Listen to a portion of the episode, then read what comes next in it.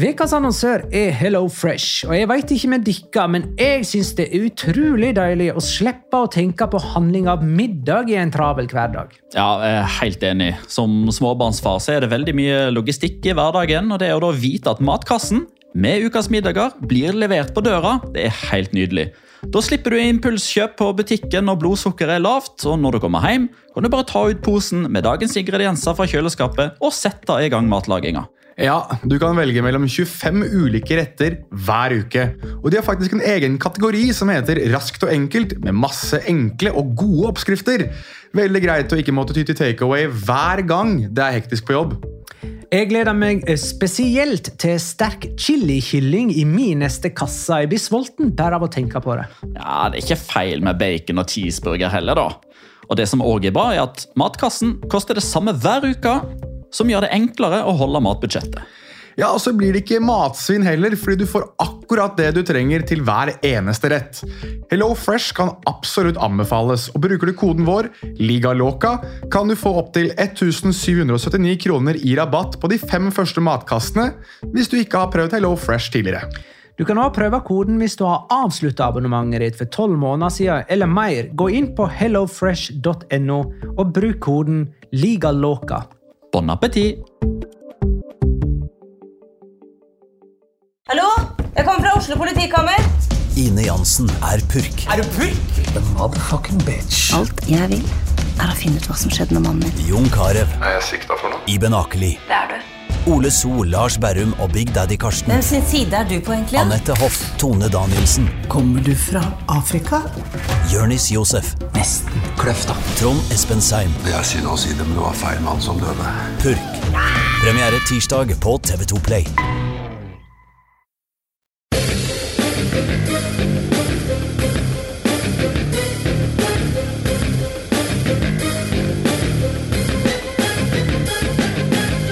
Har? Alexander Sørloth skåra igjen og skriver både norsk La Liga-historie og klubbhistorie med Real Sociedad.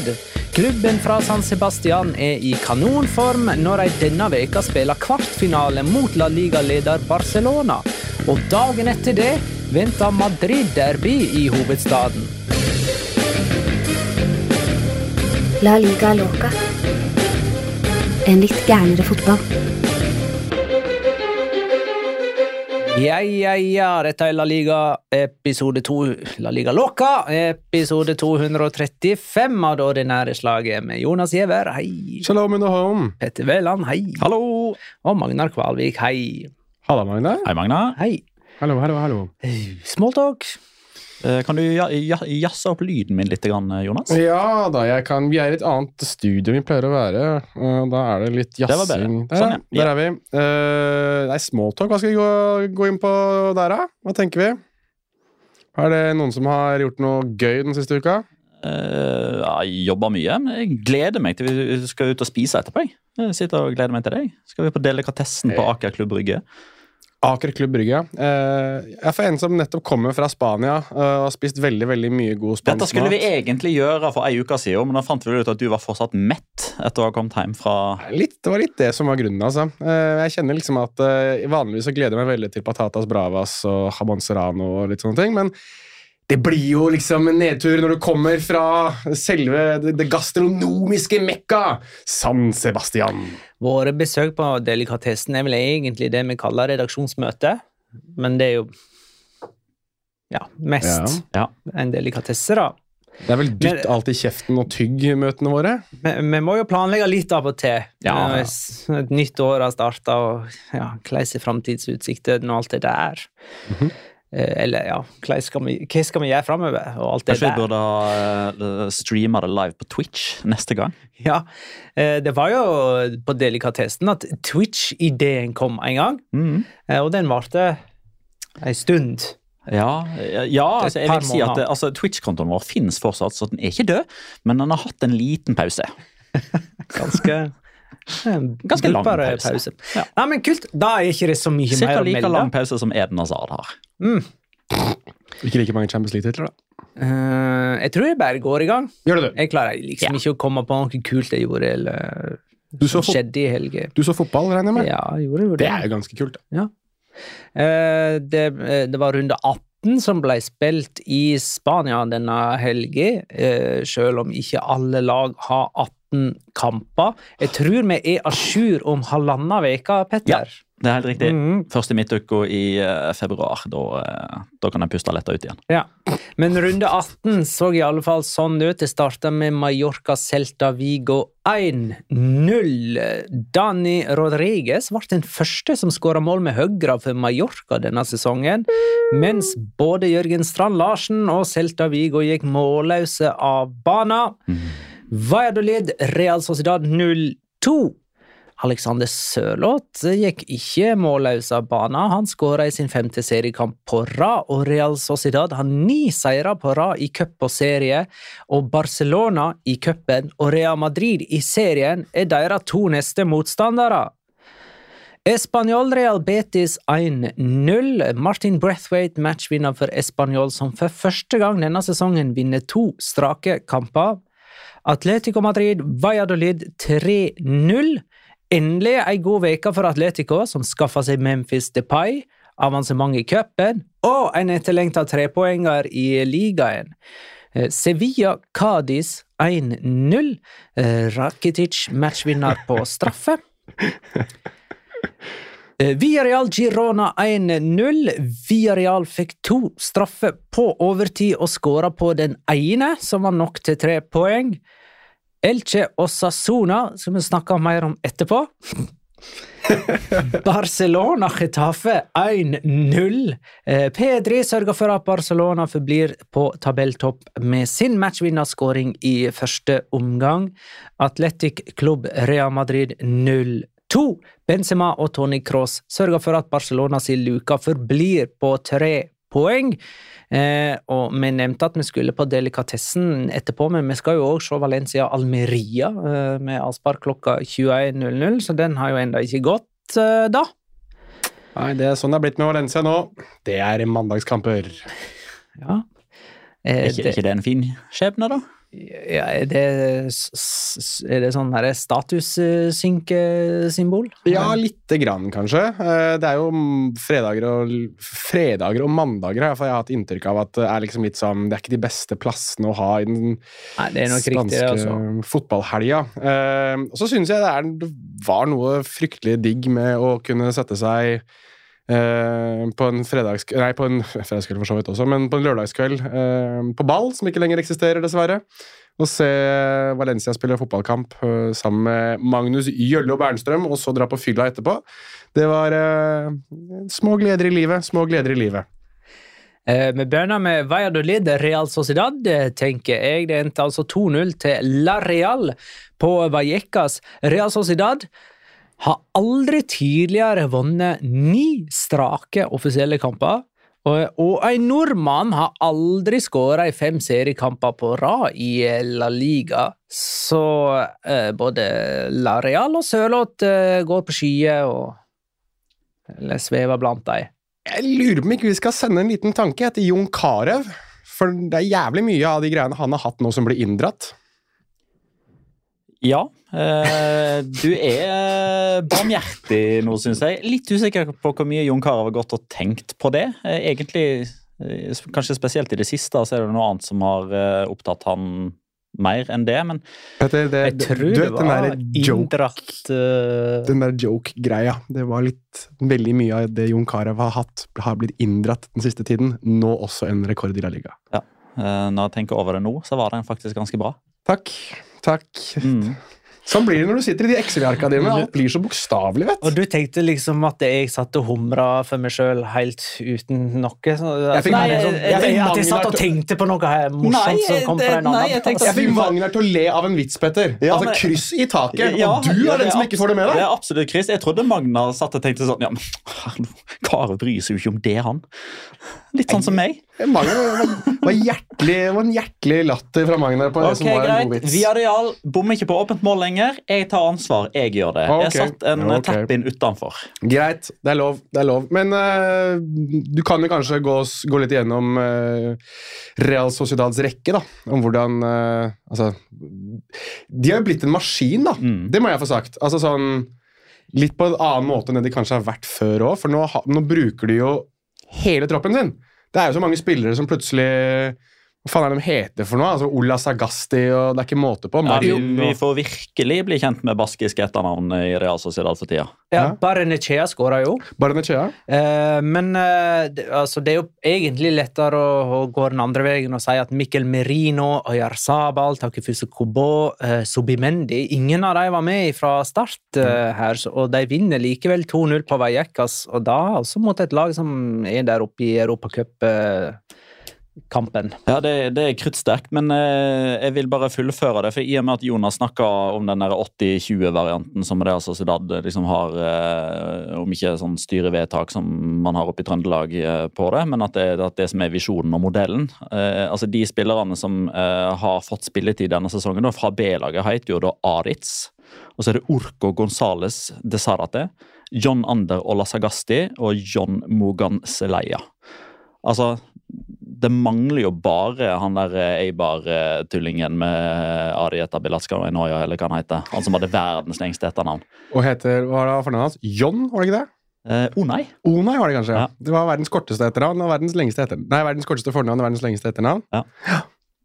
Nei, men altså, det, men altså Det virker som at man egentlig kan eh, Kan ende at dette blir famous last words, med tanke på at de to neste tingene som blir kasta foran eh, kjøretøyet til Imanol Alguazil, er Barcelona og Real Madrid på Camp Nou og Santiago Bernabeu. Men det virker som at uansett hva slags hinder som er i veien, så finner de en måte å enten hoppe over eller dukke under eller komme seg unna.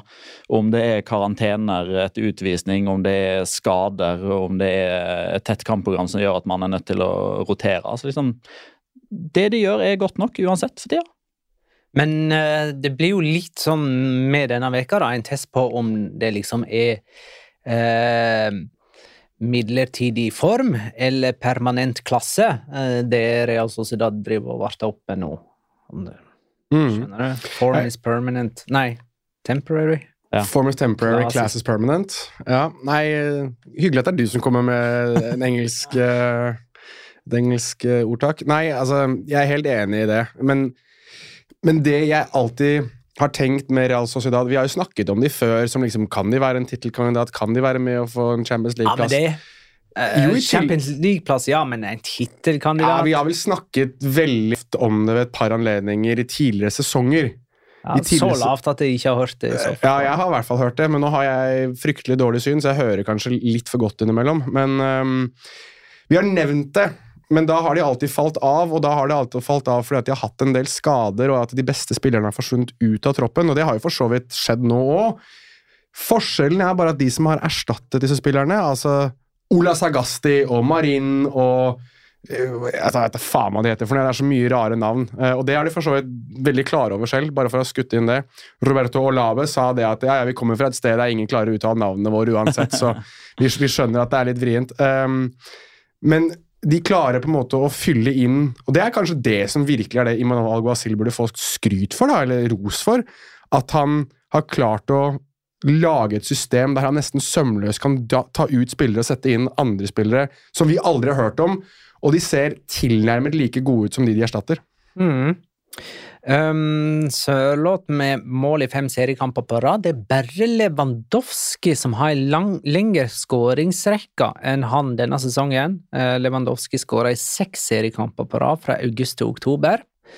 Uh, og hvis Alexander Sørloth skårer mot Real Madrid til helga, altså i seriekampen, så har han tangert klubbrekorden uh, i Real Sociedad med skåring i seks serierunder på rad. Det er tre stykker som har den klubbrekorden. Dette er det kanskje noen som vet. Eh, De som ikke vet, har jeg lyst til å tippe. Jeg har sett den tweeten, så Ja. jeg vet svaret. Jeg vet ikke hvem de tre er. Nei, jeg har lyst du, til å du, tror du kan gjette det fram til i alle fall to av de. Carlos Vela. Nei, Nei, men det, han burde ha vært der. Shame on you, Vela.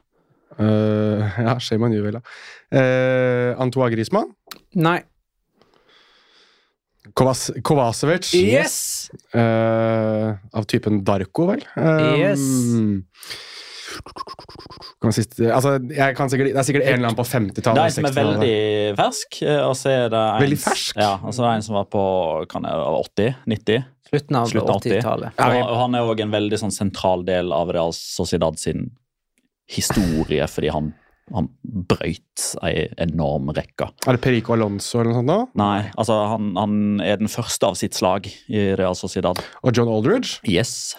Uh, altså første utlendingen. Ja. Um, veldig fersk. Um, Oyarzabal? Nei, navnebroren til Sørloth.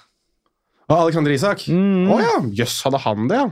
Ja, Det er jo kult. Uh, da syns jeg jo det bare er rett og rimelig at eh, Alexander Sørloth scorer mot, mot uh, Real Madrid også, for, bare for å at Norge er ikke noe dårligere enn Sverige, da, tenker jeg. Nei. Men skal vi tro at Real Sociedad, når de kommer til kamp nå onsdag, vel, Mm. i kvartfinale i Copa del Rey har med både Mikkel Merino, Oyarzabal og Kubo Ja, det Fra virker som at de, de fleste blir eh, klare av de som var eh, ute nå. I alle fall de som er av, av stor betydning. ja, Så får det Omar Sadiq blir vel kanskje ikke klar. Nei, og John Pacheco eh, blir heller ikke klar. Omar Sadiq for øvrig. Eh, litt moro. Han var jo, vi var jo på sånn hospitality etter Basker-derbyet. Han hadde da bare tatt over et av bordene med sikkert kone og noen unger og litt sånn. Eh, ville ut og hilse på gutta som var ute på matta. Fikk beskjed av vakta om at nei, det fikk han ikke lov til. det han måtte heller, var å ta selfie med en, en eller annen norsk journalist som var der. Eh, som eh, han har foreviget på Patrion. Eh, eller foreviget på Discord, som du får tilgang til gjennom Patrion. Loca. Så, så han kjørte ikke sånn der 'jeg veit ikke hvem jeg er'-variant? Eller Eh, visste vakten hvem han var, men han sa bare 'du har ikke lov'. Nei, Jeg vet veit at det er deg, Omar, men nei, du får ikke lov. Nei, det, det som var litt gøy, var at Jaramendi sto eh, litt lenger bortafor og snakket med en eller annen kompis. eller noe sånt. Og jeg så liksom Omar Sadiq sto liksom og Ja, hei, jeg, jeg står her borte, kan du liksom Og Jaramendi bare Jeg vet ikke om han ignorerte det eller ikke så det. Enten eller. Som var veldig morsomt. Real Sociedad sin eh, neste motstander er altså Barcelona, som slo Getafe 1-0 på kampen nå. Eh, Pedri matchvinner. Eh, Barcelona har holdt nullen i 13 av sine 17 seriekamper. Det vil si at de har holdt nullen flere ganger denne sesongen enn hele forrige sesong, og hele sesongen før der igjen. Eh, Har Ter Stegen hatt en hårtransplantasjon? Han har vært i Tyrkia, ass. Han har vært i Tyrkia. Han Kan ikke du spørre agenten hans om det? Jeg burde egentlig gjo- gjort det, men altså Den der hårlinja hans, så rett som den er nå Er det i Tyrkia det der skjer? Ja, ja. Det er Tyr Ja. Tyrkia er nasjonen for hårtransplantasjoner. Var, det- var Han, det eh, der han, han eh, var? Toppdommeren eh, gjorde det, han eh, Shakir.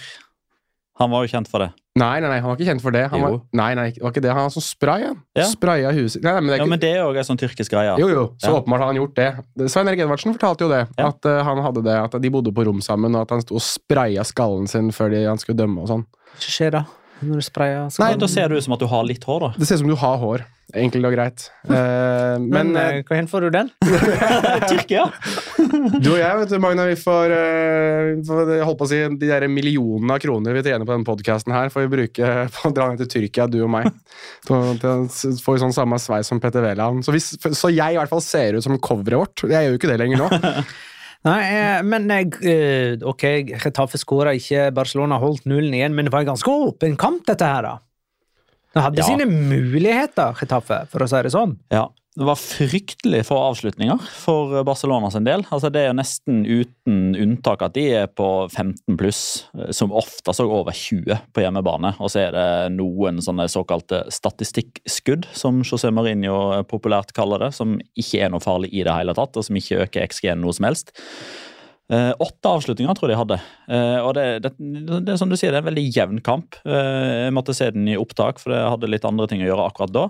Eh, og fulgte òg tekstoppdateringer til eh, Marka underveis, som bare Det var sånn ja, rundt 70-75 eller noe sånt, så det bare sånn Ja, Retafe går for dette, og vi har trua. Det var, det var 90 minutter du ikke fikk igjen, for å si det sånn. Det var ikke noe bra fotballkamp. Nei, det var ikke noe bra fotballkamp. Det eneste spørsmålet jeg sitter igjen med, er hvordan i alle dager blir Osman Dembélé ikke utvist?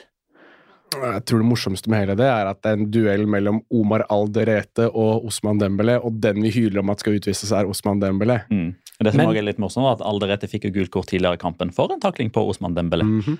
Men det var, det var stempling på leggen, det. Var langt oppe, og det var, eh, den, var den var stiv, den foten.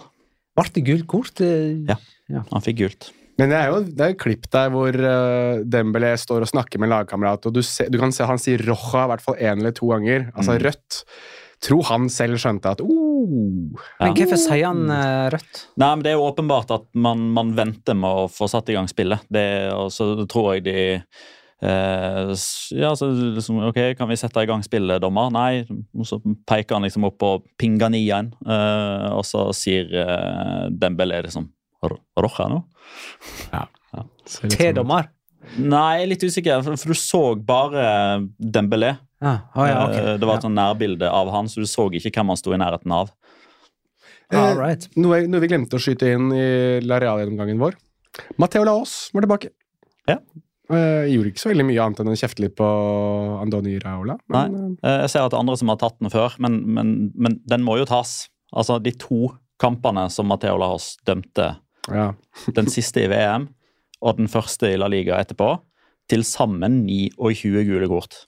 Og så dømte han cupoppgjøret mellom Linares og Sevilla. Der fikk han jo litt oppmerksomhet fordi han flekka to gule til San Paoli og viste han eh, i garderoben Som i- et kvarter. Som i etterkant viser seg å være det mest logiske du kunne gjøre. Definitivt. Men i selve kampen null kort. Og i denne kampen her null kort. Så her tipper jeg det er noen som har liksom kommet med litt sånn vennligsinna rådet til kanskje, kanskje du skal roe litt ned på kortbruken. Og så har Matheo Loss tenkt ok, greit, hvis det er sånn du vil ha det.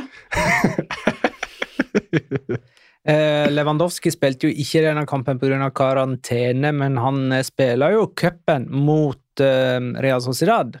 Mm. Eh, så der har du Lewandowski mot eh, Alexander Sørloth. Eh, er ikke, var ikke det moro? Jo, det, det er veldig moro. Da, da trenger de en scoring fra Alexander eh, den store, eller eh, Alexander Thorlåt, som han nå blir kalt av Real Sociedad sin offisielle Twitter-konto. De kjører jo på Thor, guden. Ok, Så det var ikke nok med King of the North? Nei liksom? her, her kjører de på med, med veldig mye. Men eh, Thorlott, liksom? Ja. Jesus Christ. John Um, kom igjen, da. siden 2000, eller på, på 2000-tallet så har det altså Zidane reist til Camp Nou 18 ganger. Og tenk hvor mange ganger de har reist derfra med poeng eller avansement, avhengig av om de har møttes i serie eller cup. Én gang. Null! Null, 18 strake tap, gitt. 18 strake tap, gitt. Eh, vi har en uh, runden spillernominasjon, faktisk, fra Barcelona Getafe. Det er jeg som uh, nærmest av nostalgiske årsaker uh, nominerer Gené. Eh, for Oi. for eh, nå var han endelig god igjen. Jeg syns han spilte ganske bra. Ja. Eh, og ligna på den Jenny som Når var det? 17-18? 18-19-sesongen? Ja. At han var sånn skikkelig god, men var helt sikker på at han skulle ende opp i Manchester City eller Bayern München. Mm, eller Atletico Madrid, da de var gode. Husker du det? Ja, ja, ja. det er lenge siden. Så en shout til Jenny Dakonam, Dakonam Dakonam. for sin prestasjon på eh, kamp nå uten at det ga resultat. Og så har vi vel eh, et par lokorer så ifra ja, som er relatert til Barcelona, i alle fall. Ja, Det er jo relatert til Barcelona, og jeg syns på en måte at det burde kanskje kalles for en locora. Den tida er ganske tragisk, da, det som foregår. Og det er jo så Vi har en podkast om spansk fotball, og han her er jo en av de aller største legendene i spansk fotball. Dani Alves, som eh, nå sitter varetektsfengsla i Spania. ehm, fordi han vel altså Jeg er litt usikker på om de har kommet fram til tiltale, men han er i hvert fall, det er i hvert fall siktelse for seksuelt overgrep. Um, natt til 31.12.2022. Der skal han ha forgrepet seg på ei jente i 20-åra, i hvert fall ifølge det aktor mener. Um, og Der har du strafferamme på opptil 12 år, vel. 12-13 år. Det som er litt fascinerende med denne historien, her er at Daniel Alves har endret versjonen sin hele tre ganger. Eh, og det gjør jo selvfølgelig at man blir litt sånn hm, ja vel. Ehm, han har bedt om å få lov til å forklare seg enda en gang også. Men det er Marca som har vært ute og, og kommet med de ulike forklaringene hans. eller De, de siterer vel TV3 i Catalonia. Først så skal han ha sagt at han ikke kjente til kvinnen, eh, som det da antas at han skal ha forgrepet seg på. Så skal han ha sagt at eh, ja, ja, jeg så henne, jeg, men det skjedde ingenting. Og siste skal ha vært at det var hun som kastet seg på meg. Eh, så det, det hele virker litt Ja, han begynte med at han ikke kjente eller hadde møtt denne dama, Ja. og så ble det bevist at det har vært på samme toalett. Ja. eh, og så skal hun ha Da har man et forklaringsproblem med en gang, da. og så skal hun ha kastet seg over ham. Så det her er det eh, Han er jo da for øvrig Han varetektsfengsles fordi det anses som ganske store sanns... Altså, de antar at det er stor sannsynlighet for at han ville forsøkt å flykte. Og Spania har ingen utleveringsavtale med Brasil eller med Mexico, som er de to nasjonene de tror han kunne dratt til. Um, klubben hans, Pumas i, i Mexico, har jo brutt kontrakten hans uh, etter dette her. Um, som kan jo sikkert bite dem skikkelig i rumpa hvis Alves frifinnes her. Um, men ja, uansett, det er en ganske sørgelig historie, hele dette her, hvis han da dømmes for seksuelt overgrep. Eh, Min locora er ikke fullt så utrivelig, men eh, Litt utrivelig? Nesten litt sånn tragikomisk, eh, kanskje. Altså, Ja. Barcelona vant jo supercupen i Saudi-Arabia med pomp og prakt eh, for ei tid siden. Eh, mens eh, damelaget til Barcelona vant eh, Supercoppa denne helga. Ikke med den samme pumpen og prakten. Der var faktisk premieutdelingen rett og slett et, en slags buffé. Eh, Sjølforsynt. Der, der lå altså medaljene på et bord, og Barcelona-spillerne gikk opp og plukka hver sin medalje for egen hånd. Og for å gjøre det litt seremonisk, så var det enkelte Barcelona-spillere som la medaljen, festa medaljen rundt halsen på sine lagkamerater, bare sånn for å få eh, litt sånn stas over det. Eh, eh, og grunnen til at det ble sånn, var at det var ingen representanter fra det spanske fotballforbundet på plass. Og man spekulerer i at det kan ha sammenheng med disse Barcelona-spillerne som protesterte mot eh, eh, rådende forhold på det spanske landslaget i sin tid. Det er smålig, ass. Ja. Det er ikke noe mer å si. Skal vi hoppe videre til Atletic Klubb mot Real Madrid, som altså endte 2-0 på San Mames. Et, eh, et uvirkelig mål av Karim Benzema, og et klassisk Tony Cross-mål på tampen. Mm. Um, eh, jeg har oppsummert denne kampen med Real Madrid har avsluttere, det har ikke Atletic. Ja, veldig godt oppsummert. Er- Da går vi videre til neste kamp. Da har, da har du oppsummert kampen der. Ja, det er det. Altså, Atletic skyter nesten dobbelt så mye i løpet av den kampen her. Men det er liksom Real Madrid har jo vært i ja, til de å være, da. Bortimot gigantisk krise i eh, 2023 foreløpig. For det har jo ikke feid over rubbel og bitt. Og hvis ikke feid over rubbel og bitt, så må jo Angelotti gå. Eh, Den mekanismen der kjenner vi jo igjen. Eh, holdt jo på å ryke ut mot Viareal i Copa del Rey, og den første omgangen der, da, da skjønner jeg at etter den så kan det ha eh, brust litt i blodet til de som er vant til å se Real Madrid herje med motstanderne, sånn som Viareal gjorde da. Men så er det jo et eller annet med Real Madrid, da. At når man tror at man har dem på kroken, så bare vrir de seg løs, og så går de berserk i den andre gangen. Snur den, vinner på San Mames nå, og så ser ting ganske så greit ut eh, igjen nå. Men nå kommer liksom, nå kommer nøkkelkampene på rekke og rad. Torsdag kveld, Madrid-derby i Copa del Rey. Liten uh, obs her. Den skal jeg faktisk få lov til å kommentere for uh, VGTV. Det gleder jeg meg enormt Ok, til. så det skal vi ikke se sammen. Uh, jo, dere kan godt sitte ved siden av meg. Dust! Får jeg lov til, får jeg lov til å sitte ved siden av deg i studio, eller i uh, kommentatorbua di? Det er greit for meg. Ja, Hyle og skrike i bakgrunnen, jeg og Magnar. Lager litt ambians. Nei, do- dere må lage det der oh, ja, sånn. Ja. Eh, Morsekodene, og så må en av dere kjøre med sånne reklamer innimellom.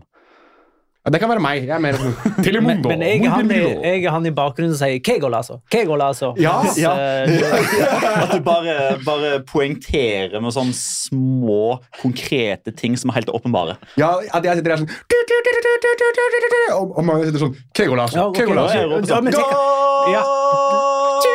Kegol, altså. Kegol, altså. Kegol, altså. Ja, nå har vi det gøy. Nå har vi det gøy. Åh. Det, det, var en, det var en spansk radiosending. Ja, men altså, eh, En eller annen gang i løpet av våren så syns jeg vi skylder våre lyttere, spesielt Patriens, at vi en eller annen gang bare kommenterer en spansk sånn som vi ville ha kommentert det hvis vi var spanske. ja, Magnar sitter paradón. Representativt for mitt vokabular. vokabular. Åh, eh, Uling og skriking. Fy faen, for en jævla suppe det her ble. Nydelig. Fantastisk. Karim Benzema har skåra like mange La Liga-mål for Real Madrid som Raúl, altså 228.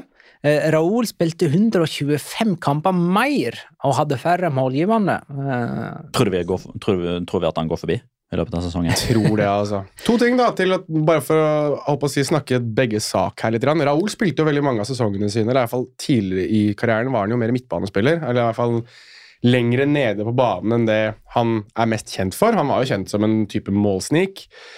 Mens Benzema, hans sak er jo det at han rett og slett spilte i skyggen av Cristiano Ronaldo i alle de årene. Og derfor så ligger han kun på andreplass. Kun på tredje, det er vel delt andreplass? er det ikke det? Eller er det, Ja, det er bare Cristiano Ronaldo foran. Ja, det er det, ja. ja. Så er han delt andreplass med Raúl. Men så mens vi er inne på dette med forbund og det å være liksom å si, eh, obsternasi mot forbund osv. Jeg syns det er litt hyggelig at Karim Benzema bestemmer seg for å score altså, tilnærmet det samme målet som det Zidane gjorde i 2002-finalen uh, mot Bayer Leverkosen. Samtidig som Ikke helt der oppe likevel, da. Nei, det var en, det var en, det Det var var en touch av det. det var First Price-utgaven av den skåringa, men jeg fikk definitivt feeling av at dette her var litt Dette var en ode til Zidane, med tanke på at han er jo litt i sånn munnhugger... Eller han er ikke munnhuggeri, men han er en Noël Kan jeg få korrigere det litt? Grann? Ja. Jeg synes vi, vi underselger det. Altså, Jeg skjønner hvor du vil med First Price, men her vil jeg heller sammenligningen skal være at Benzema-målet er delikatessen. Zidane er San Sebastian. Ok, Altså, ja. vi må, altså First Greit. Price tenker jeg, det, det, er sånn, det er sånn dasspapir som sitter fast i ræva når du tørker det. liksom. ja, greit. Fair enough. Jeg, det, jeg syns det var en bedre sammenligning. Delikatessen og San Sebastian. Greit, jeg er enig. Uansett, nydelig scoring. Eh, og helt der Nei, faktisk. Kan ikke si helt der oppe blant årets mål, for de tre fikk vi i forrige runde da Getafe mot Español. De er jo 1, 2 og 3, så det er nummer fire, da, i så fall. Uh, hip, hopp, boom, bap. Tror jeg han er kaller seg. Det, det kan hende han kaller seg at han heter Joaquin. Eller Joaquin. Å ja, vi har et brukernavn. Eh, Jeg trodde det- dette var en ny spalte. Siden vi er på Benzema, han skal vel snart erstattes. Så eh, Joaquin lurer på eh, kan Kane være et alternativ, eller ser de på noen yngre. For eksempel Mbappé driver og leter etter han fortsatt. Ja, det snakkes jo om det. Det nevnes jo at det fortsatt er dialog, men den, den, den der Men det skal vel erstattes? Altså, De skal vel ha en spiss snart, som skal liksom følge i hans fotspor og ta så smått over? ja, en, altså- Endrik kommer jo i 2024. Ja. Mm. Eh, kan jeg da få lov til å si at eh, kanskje, eh, kanskje det er på tide at Mariano Diaz trer ut av skyggen til han foran seg? Jeg tenker, altså, 20, altså Hvis vi tenker da at Benzema har Han er jo på utgående kontrakt nå, og han har jo ikke signert noen ny ennå. Jeg tipper at han gjør det. Ja, han gjør det. Og Det da er er vi plutselig i 2024. Jeg, jeg tror åpenbart ikke at Endrik skal inn og være den stjerna med en gang. Det tror jeg ikke. Med mindre det er noe helt sensasjonelt vi ikke har sett ennå her. Um, men altså, da har på en måte Haaland har gått et år til i City. Kanskje han har vunnet Champions League, vi vet ikke. Kanskje han har vunnet en eller to Premier League-titler, vi vet ikke. Kanskje, Han har jo snakket om det at han skal ikke være så lenge i hver klubb. Han skal på en måte prøve ut i ulike ligaer osv. Mbappé den der kommer til å leve, altså. Helt til Han har kontrakt til 2025. Så den kommer til å leve da òg. Sommeren 2024, siste gangen Real Madrid kan Eller siste gang PSG kanskje kan få noe penger for ham, hvis de tenker at de skal ha penger for ham. De trenger jo kanskje ikke penger. Kane Da tror jeg de kjøper seg et nytt Gareth Bale-problem. Litt sånn med ikke ville tilpasse seg uh, kultur, det å være litt sånn for seg selv. Kane er ganske glad i golf, han òg, så jeg vet liksom ikke helt om det her er det lureste de burde gjøre. Um, Kjøp han fra Tottenham. Kommer ja, det er jo en eh, fellesnevner. Ja, eh, altså, jeg digger jo Harry Kane, han er jo fantastisk. Ja, ja. Altså, åpenbart. Låvedør og alt dette her. Men eh, en grunn til at eventuelt ville hatt lyst til å se han i Real Madrid, det er for å ha spanske kommentatorer. Bare Harikane, Harikane. Det er som harakiri på en eller annen måte. Um, Men eh, i og med at du nevnte han i stad, altså, hva er favorittaktiviteten til Endrik på en fredagskveld? Nå kommer det en jævlig dårlig vits her. Kom igjen. En drikkelek? Var god, den. Men siden vi er inne på overgangsryktet, eh, hva med Bellingham? Ja, men han er jo ikke noe spiss. Nei, nei, eh, nei. Nå er det bare sånn overgangsrykte, kolon. Bellingham, Nei, det- det- spørsmålstegn. Alle vil ha Bellingham, og Bellingham kan velge det han vil. Eh, I Spania så er de jo overbevist om at han har valgt Real Madrid. Det har stått i hvert fall flere steder at Ja. det er hans valg. Og i England så er man overbevist om at han har valgt Liverpool. Ja, så det er litt eh, Jeg tror bare, man bare skal la han få lov til å bli ferdig med sesong, jeg. Ja.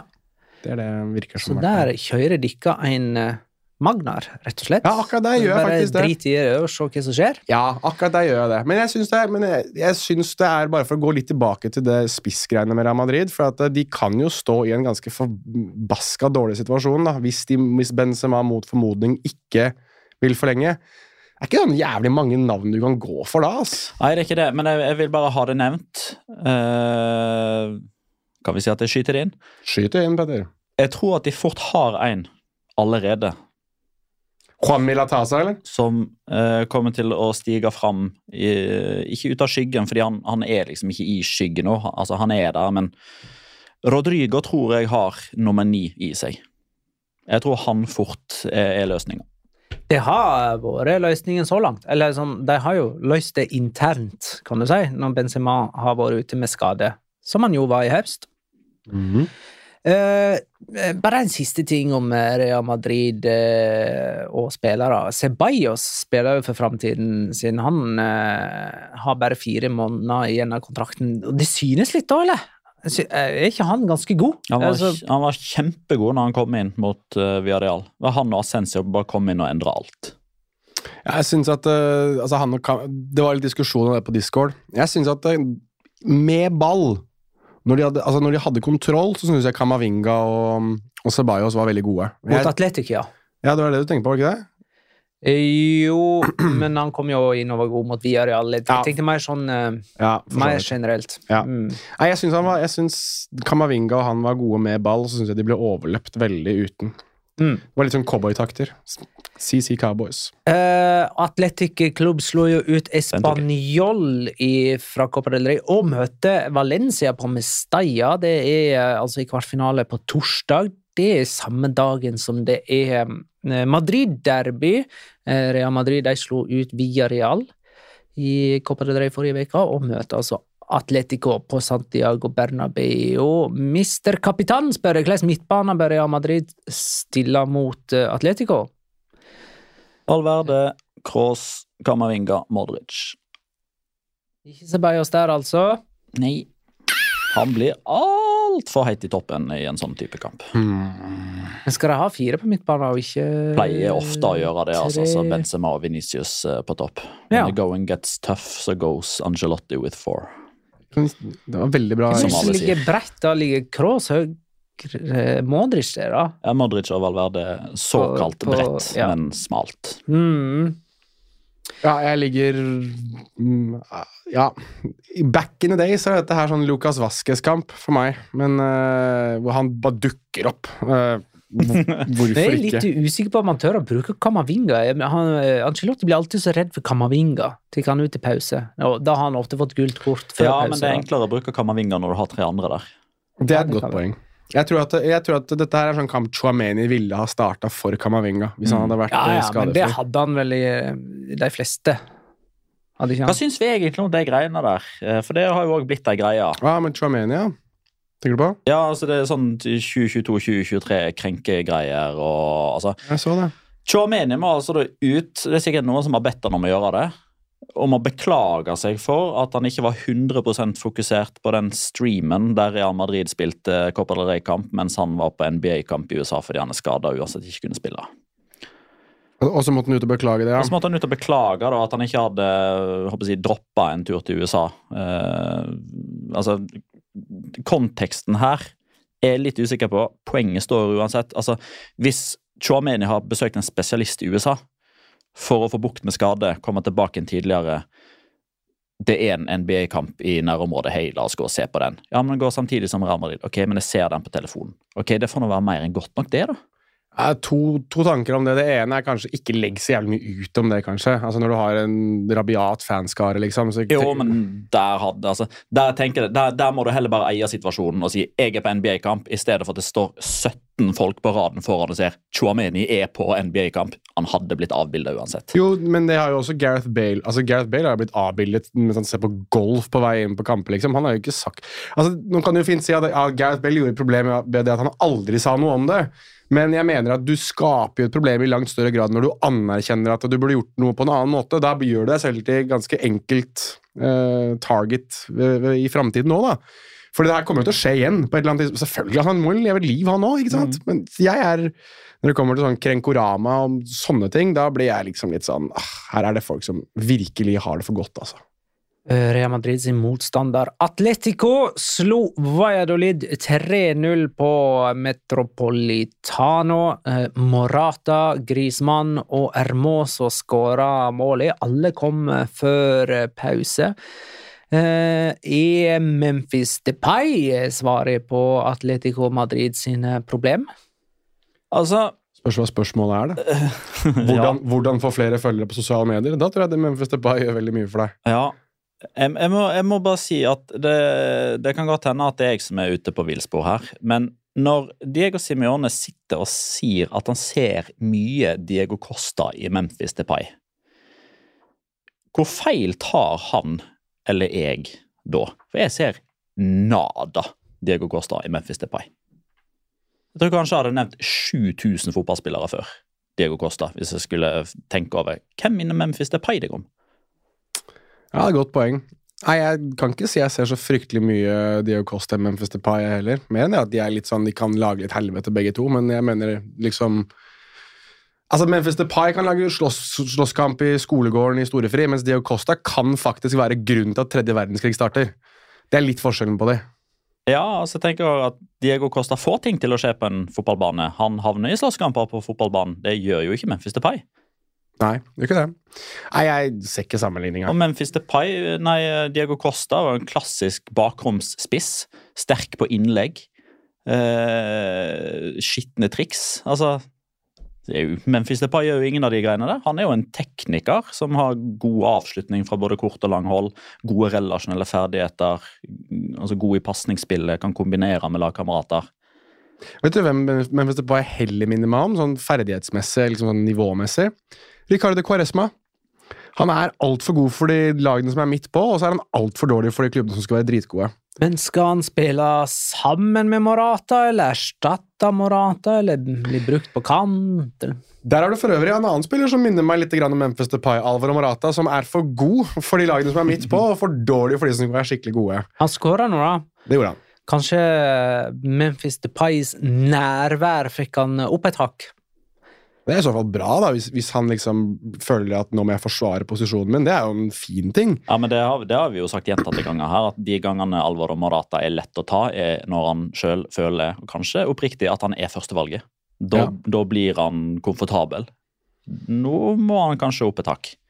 Eh, Copa del Rey er det eneste Atletico har Uh, og så møter de altså Real Madrid, som har ødelagt så mange cuper for dem de siste ti årene.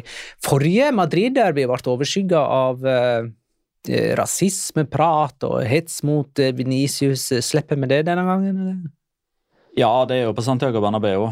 Så der er jo hovedårsaken til at man da slipper det. Det er klart, det er jo en gruppering innad i Frente Atletico som fikk skylda, og på mange måter har akseptert og tatt skylda for eh, veldig mye av det som ble ropt mot Venicius. Men, men, dessverre så har man jo også sett det andre steder, så det er jo ikke bare sånn at det kun er Atletico Madrid-supportere som har gjort det. men Uh, Venicius får uh, høre det uh, rettmessig i noen sammenhenger når man holder seg på lang avstand fra sånne ting som ble smelt fra Frente Atletico, fordi han innbyr til det sjøl. Det er òg en diskusjon vi har hatt det mange ganger. Og Carlo Angelotti sier veldig mye riktig.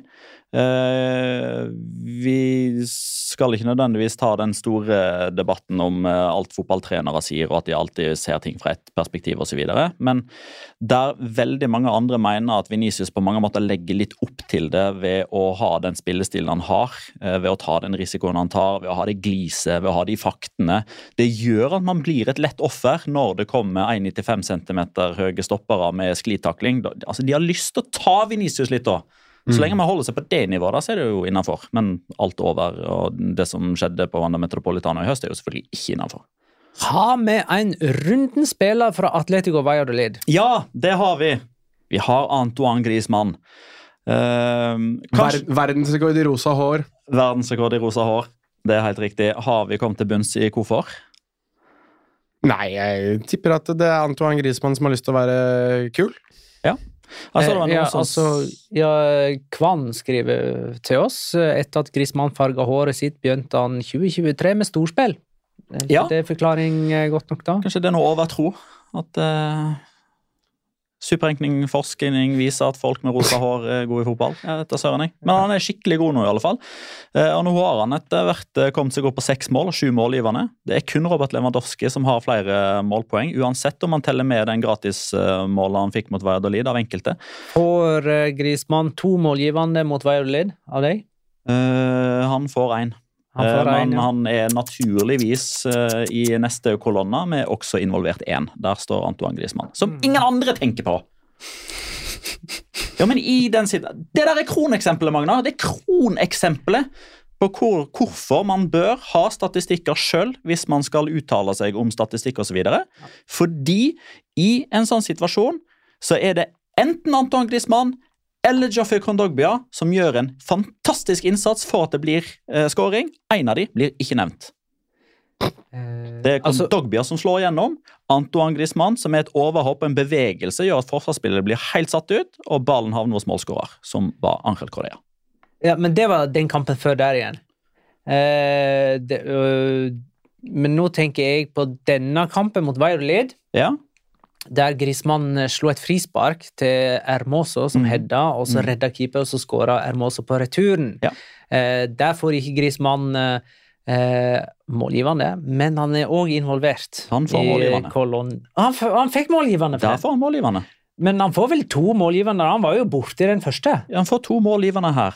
Ja. men jeg trodde du snakka om det overhoppet hans, som andre har kreditert han som, som målgivende. Ja, det var forrige kamp igjen. Ja, det var, ja, men det var det jeg sa. Kondogbia som sendte pasninger og, og Korea gjennom. Greit. Nei, men da fikk han to målgivende mot Valladolid. Ja, og, årsak, og årsaken er Altså, Antoine Griezmann gir Mario Hermoso muligheten til å avslutte. Han avslutter, får retur og setter den sjøl. Du kan sidestille det med at du drar av fire mann og spiller en mann alene gjennom.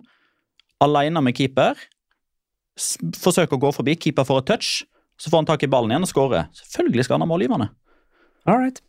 Du hadde ikke fått det på Fantasy. Etter min mening, i hvert fall. men, Fantasy eh, så får du assist for alt annet. Hvis du står i nærheten av målskårer, så får du assist. Rund- Rundens spillernominasjon der, altså. Antoine Griezmann. Yes. Okay. ok. Begynner han å nærme seg verdensklasse nå, eller, Jonas?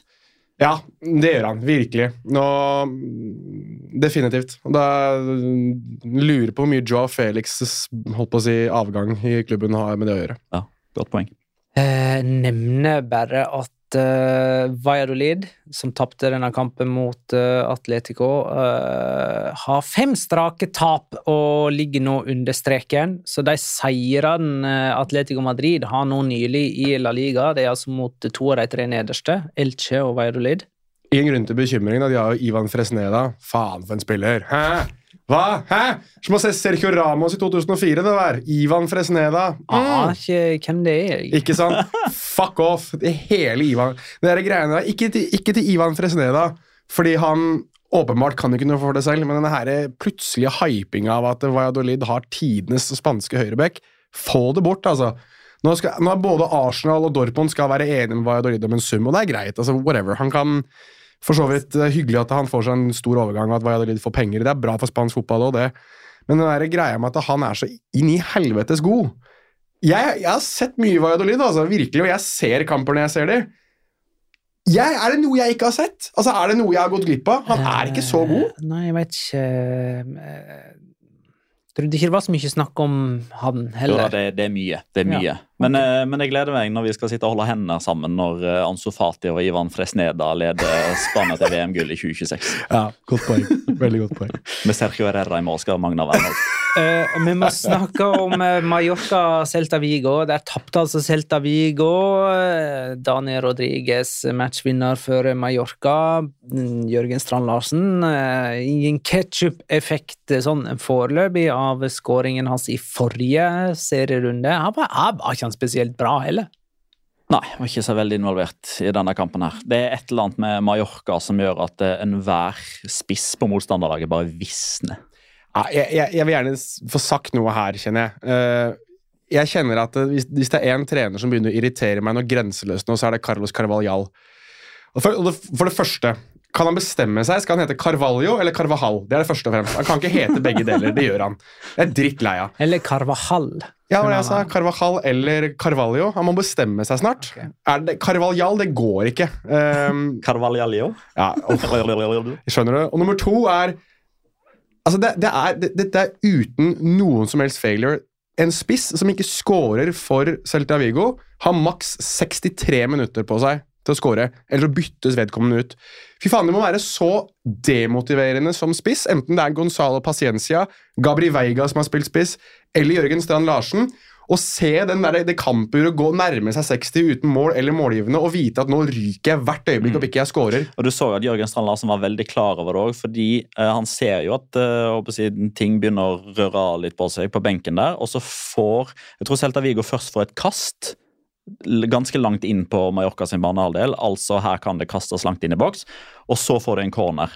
Og rett før eh, innkast av corneren tas, så er det Jørgen Strand Larsen som er i fokus hos produser. Det er han som er liksom i kamera, og det er helt åpenbart at han liksom gir beskjed til benken vent, vent. Gi meg nå i alle fall de to mulighetene her. Ja, ja, ja. Eh, Og det er klart at Hvis du da går rundt og tenker umiddelbart altså du, Du veit jo at du skal av! ikke ja, altså et, et, Etter en første omgang så vet du at du har et kvarter på deg til å vise, hvis ikke ser det rett ut.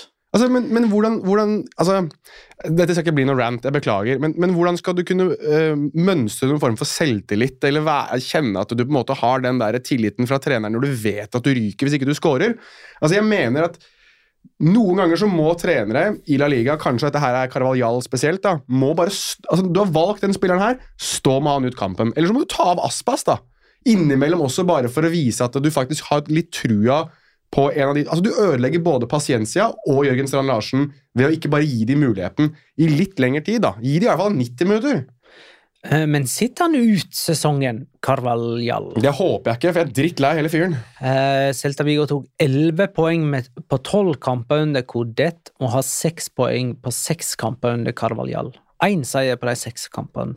Siste jeg skal skyte inn nå angående dette Celta-laget, og for så vidt også portugisiske trenere eh, Med unntak av José Mourinho og med unntak av Nuno Espirito Santo, kan noen nevne én portugisisk trener som har hatt en sånn nevneverdig stor suksess i La Liga? Nei. Det er de eneste to. Ja. Jeg Jesualdo Ferreira forsøkte Ja. så litt òg på dette Malaga-toget. når Ja. det begynte å få fart. Riktig. Så røyk jo han, så kom Pellegrini inn, og resten er historie. Du hadde jo han godeste Mendes som trente, trente Celta. Var det ikke det han het? Mendes, han som så ut som en veldig solbrun utgave av Erik Ten Hag. Han skalla Han var der veldig kort. Ja, altså Jeg husker typen, men navnet slår meg ikke som Mendes. Var det Pinto eller noe? da? Et eller annet portugisisk navn. Jeg husker han veldig godt. Han så, Ja, jeg, jeg husker han. han så ut som Mikromidas fra Donald Duck, for de som husker han. Du er inne på Miguel Cardoso, du. Miguel Cardoso er det jeg skal inn på. Forferdelig trener. Eh, Mallorca, dette er en moro fakta, Mallorca har skåra 15 mål og tatt 25 poeng. Eh, det vil si at ingen tar så mange poeng per skåring som Mallorca i eh, La Liga. Eh, og så har de da vunnet tre strake heimekamper. Alle 3-0! Alle Altså, deres Alle siste 1-0. Sa- Hva sa jeg? Du sa alle 3-0, men Ah. jeg tror du mangla en 1 der. Ja. Altså alle tre. Alle tre 1-0. ender 1-0. Eh, De siste 13 seirene til Mallorca i La Liga har kommet med ett mål. Eh, Vi må hoppe videre nå til Español Betis, eh, der altså Español vant 1-0. Martin Brethwaite matchvinner.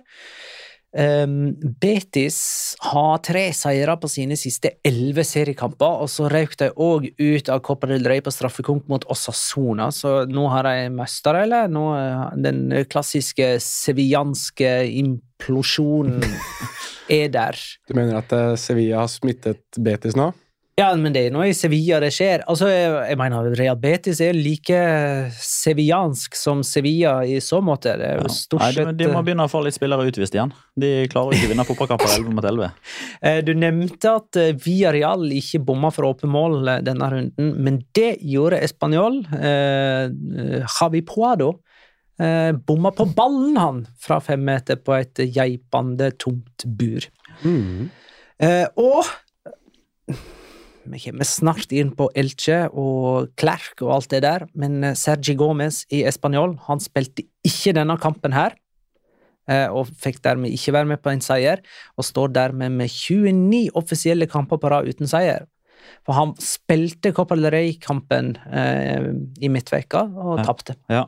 Eh, og det er liksom sånn Med Carlos Klerk så kan man jo liksom kanskje unnskylde han litt grann av at han spilte for Levant. han spiller feil. De vinner ikke fotballkamper uansett. så det er liksom Espanjol-statistikken, da. De siste 14 kampene de har spilt uten Sergi Gomez.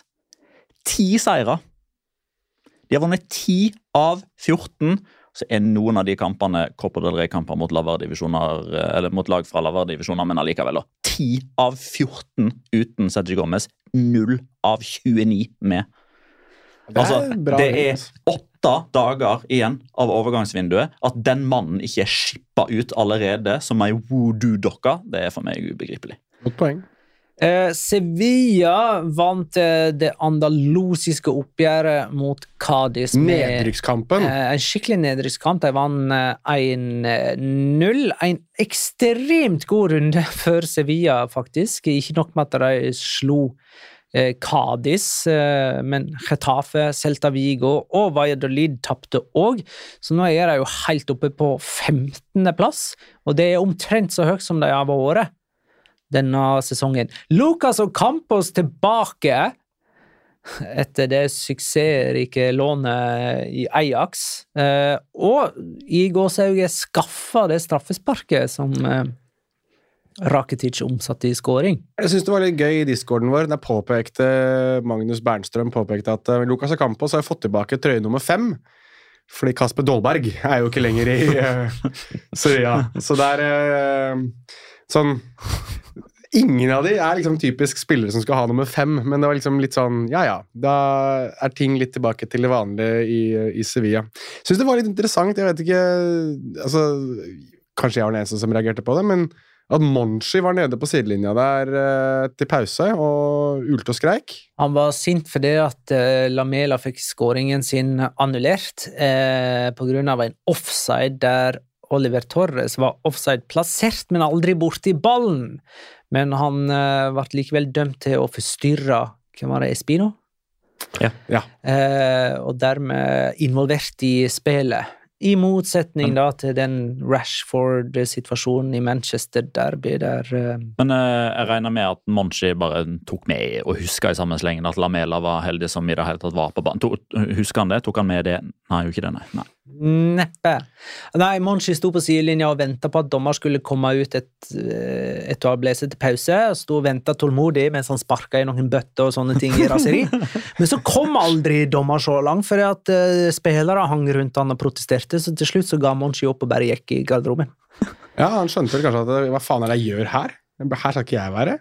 Nei, det skjønte ikke han, for han var tilbake mot slutten av kampen. Ja, det var han, Ja, ja, det var han. Ja. Men han, han ble faktisk nevnt i kamprapporten som eh, Don Ramón Rodriguez Verdejo, som jo er navnet hans. Eh, det Don han- Ja, altså, men, men det er sånn høflighetsfrase da, i altså, navnet. Altså, alle har Don foran hvis de blir nevnt i rapporten. Oh, ja, så de går for Don, ja? Ja, okay. Ja, Ja. Kult. Ehm, og der står det jo at eh, liksom, han ble observert mellom bankene, sparkende på ei flaske, åpenbart sint frustrert. Eh, og Benkene, Petter, ikke bankene. sa jeg bankene? Du sa bankene. Jeg sa bankene fordi jeg leste Bankios, eh, og da ble det Jeg håper veldig at de snart tar seg en tur i banken og henter noen fotballspillere, men det er kanskje ikke det han skulle der og da. Uh, og samtidig så blir det også nevnt at han havna i uh, Ikke akkurat i håndgemeng, men i en diskusjon. Uh, iniciaron una diskusjon sin llegar a producirse ningún incidente de gravedad. Altså han var i en, Det ble aldri eh, alvorlig. Det ble aldri alvorlig. Uh, klarer dere å gjette dere fram til hvilken Cádiz-spiller, som for øvrig ikke var i kamptroppen? Juan Cala. Yes. Den er enkel! Den er så enkel! Det, er ikke, det finnes ikke noe enklere! Juan Cala, selvfølgelig! Ja. Men uh, Og så er det et annet sånn åpenbart eh, retorisk spørsmål her. Hvilken Cardi-spiller kom inn fra benken, fikk to gule og skaffa straffa og ble utvist? Ivan Alejo. Selvfølgelig. ja, ja, Han er den dum, unnskyld, han er den dummeste fotballspilleren på jord. Nei, Vi skal tilbake til en som jeg syns er enda dummere etterpå. Men uh, Jorge Sampaoli er altså utvist. To gule kort på ham. Og det er ikke så lenge siden han fikk det i cupen. Ja, det var først Matteo Lahoste som Ja. to gule, og akkurat det samme som skjedde her. Ja. Hernandez Hernandez får gult, klarer ikke å roe seg. Ok, ett til rødt. Eh, Lamela skulle også vært utvist, med et par albuer og litt filming i straffefeltet og sånne ting. Eh, så ja. Men eh, tre poeng, i alle fall. Jeg skyter inn her òg, jeg. At uh, altså Jorge Sampaoli blir 63 år i mars. I den kampen her da, så har han på seg verdens tighteste treningsdress, kondomlue og Air Jordan-sko. Jeg bare, jeg bare skyter det inn. Altså, jeg, enten så er han verdens kuleste fotballtrener, eller så må han faen meg se å bli gammel. Um, skal vi se det, uh, Sevilla skåra altså på straffe. Det var deres første straffespark i La Liga denne sesongen. og De har 18 mål på 18 seriekamper. Seks av spisser, seks av midtbanespillere og seks av forsvarere. Eh, og de møter altså Osasona på El Sadar onsdag i Copa del Rey kvartfinale. Skal vi se, er det da vi skal hoppe til Osasona skal tru vi er nå Ja. Eh, det skal vi. Ja. Elche Osasona. Ja, der har jeg lokoraen min. Eh, For det som er konteksten her, da, det er jo at Elche har 17 kamper på rad uten seier denne sesongen. Knall sist og er helt sjanseløse. De ligger under 1-0, og Chimi Avila selvfølgelig har skåra en mål. Men det er et eller annet som er i ferd med å skje.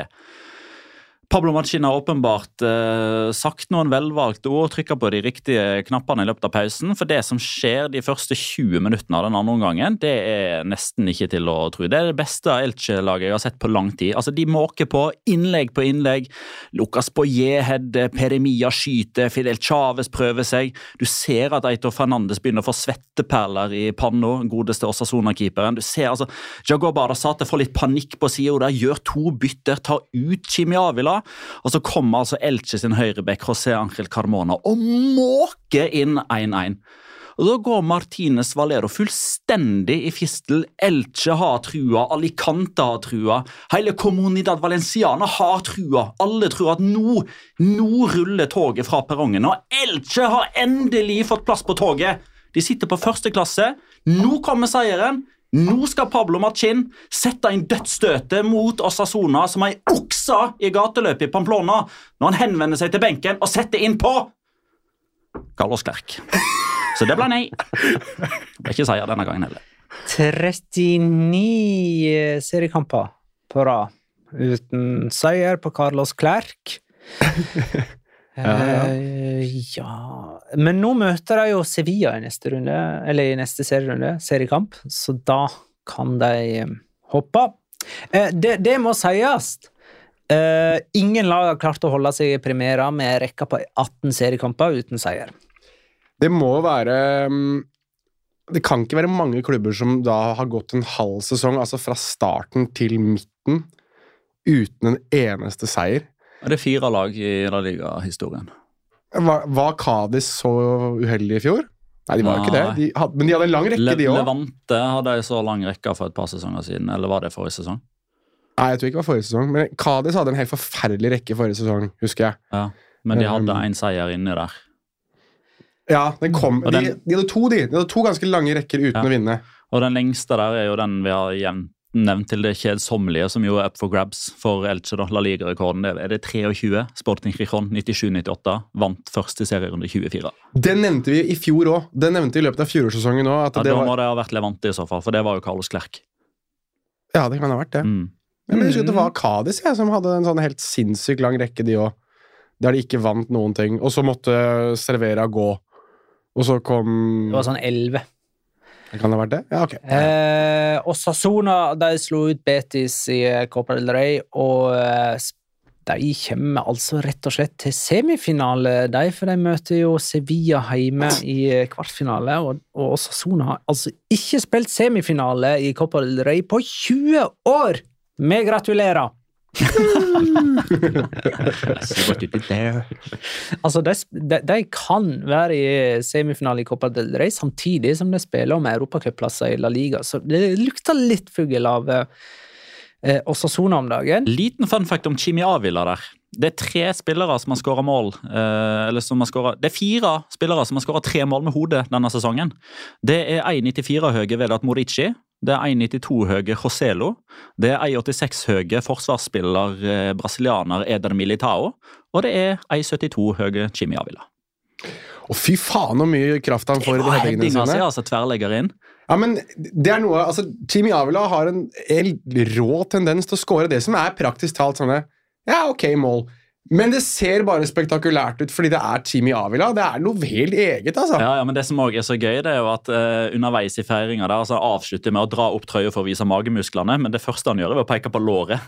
Det er jo liksom signatursfeiringa hans at han peker på låret, for som regel så er det jo de hestelårene som gjør at han banker ballen inn fra 20. Men nei da, header ballen i mål, peker på låret. Viktig. Um, siste kamp, uh, det er Via Real Girona 1-0. Uh, Del Cerro Grande dømte denne kampen her. Hva syns du om det, Petter? At han dømte kampen? Ja, og det han dømte. Jeg er ikke helt enig med Pedrito Numera, som gir han fullstendig buksevann. Eh, men altså, det er klart, han, han, han bommer jo på én og blir korrigert av VAR når han eh, peker på straffemerket for en forseelse som skjer utenfor. Og Den første situasjonen der, jeg synes det er helt umulig å si hvem som er først på ball. Men eh, han dømmer altså tre straffespark til real. Ja. Den ene var utafor og blir omgjort. da. Ja. Den Eh, andre, den, som blir brent, er diskutabel. fordi jeg synes, Den jeg er synes, veldig diskutabel. Ja, den er diskutabel. Men fordi Det går vi- ikke an å se om det er Pau Torres eller Oriol Romeo som er først på ball, og hvem som sparker i hverandre Og så osv. har han lagt til seks minutter, og så skåra Villarreal på straffe nummer to i det tiende tilleggsminuttet. Ja, men straffen blir jo utdelt før det, og da er det jo òg venting pga. at det har vært straffespark før det. Så eh, tilleggstida er absolutt ingenting å si på, snarere tvert imot. Og den trøyeholdninga der er den verste jeg har sett på lang tid. Men den skal han faktisk ha. Ja. Det, det, er straff, det var en godt dømt straffe. Det er litt Bajano på Flo der. Det er litt det. Mm, eh, verre. Ja, det er enig altså, Pau Torres holder jo faktisk på å avslutte kampen uten drakt. Ja, han river Den er på av, vei av. av. Altså, Pau Torres fikk nesten sitt andre gule der for å ta av seg drakta. Ja, nettopp. Men der hadde vi Men, og det røde kortet òg. men der har vi den, den dummeste fotballspilleren for meg da, i La Liga spilte den kampen her, og det er Oriol Romeo. Altså, jeg, Han er bare Han er et kaos. Et salig fuckings kaos, liksom. På både godt og vondt. Men når du Ja, liksom han lagde den første straffen, men der er, jeg, der heller er han unnskyldt. Men jeg er mer sånn, du gir dommeren et valg der, da. Altså, Kontroller den ballen altså, han, han må jo sparke ganske langt fra. altså Ballen er jo langt fra kroppen. altså Foten hans er jo helt utstrakt. Hvis han istedenfor bestemmer seg for å bevege seg noe nærmere ballen, så vil han mest sannsynlig få et frispark utover, fordi Pau Torres gjør akkurat det samme. Og ballen er på vei mot Oriol Romeo. Så jeg mener at der kan han faktisk få ordna situasjonen ganske greit hvis han hadde vært brukt den rutina han unektelig har. da. Men nei da, her skal det sparkes, fordi det er Oriol Oriol Romeo. Men det er jo det som er problemet hans. da. Han blir for trigger-happy med at den ballen skal til helvete unna, og han har bestemt seg, og han klarer ikke å ombestemme seg. Da er du dum. Eh, har vi en runden spillernominasjon fra denne kampen? Ja, jeg synes jeg det er mer, Han kommer ikke til å vinne det her, men det er rett og slett jeg syns ordentlig synd på Paolo Gazzaniga. Eh, keeperen Han- til, til Girona. Han, eh, han har en kjempekamp her. Altså, han har så mange vanvittig gode redninger. Altså, gjør han de, de redningene han skal gjøre, gjør han liksom med bravur òg. Det er en ordentlig solid keeperprestasjon. Og så får han den straffen, straffesituasjonen, da, den første straffa, der han liksom Her kan han bli helt, eller han kan på en måte ah, God kamp, men ja, ja, det røk til slutt.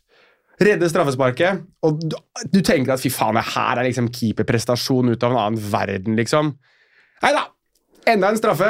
Her skal, her skal de virkelig teste om det er god keeper i Gazanega, altså. Og han er jo på, eller han er er ikke etter straffa til. Parejo. Det er, det er første gangen Dani Parejo har skutt en god straffe, tror jeg, noen gang. Ja. Og da uh, jo nettet. Uh, så da blir liksom Når man da ser bare statistikken og overviewen av kampen, så glemmer man det at Paulo Gazzaniga spilte en helt enorm kamp her. Så jeg velger i solidaritet egentlig mer å gi min rundens spiller til uh, Paulo Gazzaniga. Dani Parejo satte straffen sin i mål etter 100 minutter og 1 sekund. Det er den seneste Villarreal-skåringa i deres primære historie. Ja, ok. Ja, ja. Fire seire og én uavgjort på de siste fem seriekampene på Villarreal, som ligger på femteplass A-poeng med Atletico, som er nummer fire. Ehm, Da kan vi tippe. Forrige kamp vi tippa på, det var Atletic i Real Madrid, som endte 0-2 med Benzema som første målskårer. Jeg hadde 2-1 med Nico Williams uh, som første målskårer. Det gir meg null poeng. Petter hadde 1-2 med Venicius og får ett poeng. Jonas hadde 1-3 med Benzema som første målskårer, så det er tre poeng. Det er muligheter for Elche å se litt lys i enden av tunnelen nå, altså når de ser hvordan du haler inn på oss på tabellen. Og uh, totalt altså har jeg 20, Petter 18 og Jonas 10. Endelig oppe på uh, tosifra. Neste kamp er Real Madrid mot Real Sociedad. Søndag klokka 21. Vi går for La Liga, selv om det er ja, interessante Copa del Rey-kamper i mellomtiden. Jeg sier her 2-1 og Fedeval Verde. 2-0 Fedeval Verde. 1-0 Benzema. Ja, det ble safe betting på oss alle tre. Fint, det. Hei! Avslutter med en liten quiz. Ok. Så gøy. Det er to spillere i La Liga denne sesongen som har skåra for to forskjellige lag. Hvem da? Uh, Ja, Carmona. Ja. Ja, Carmona er den ene. Sevilla og Elche. Eh, Den her var uh, Omar Sadiq. Real Sociedad og Almeria. Hey, Er du on Skal vi gå og spise, alle gutter? Blir det delikatesse? Vinneren betaler. Har vi nevnt Patrion? Jeg nevnte det i stad, Ja, eh, men jeg bra. kan godt gjøre det kjapt en gang til. Patreon.com slash Gå inn der, spons, del, eh, klikk, vinn, gjør hva du vil. Lik og del. Lik og del. Betal 50, få bonusepisoder. Betal 100 og få Discord. Takk for at du lytta, kjære lytter. Ha det, da.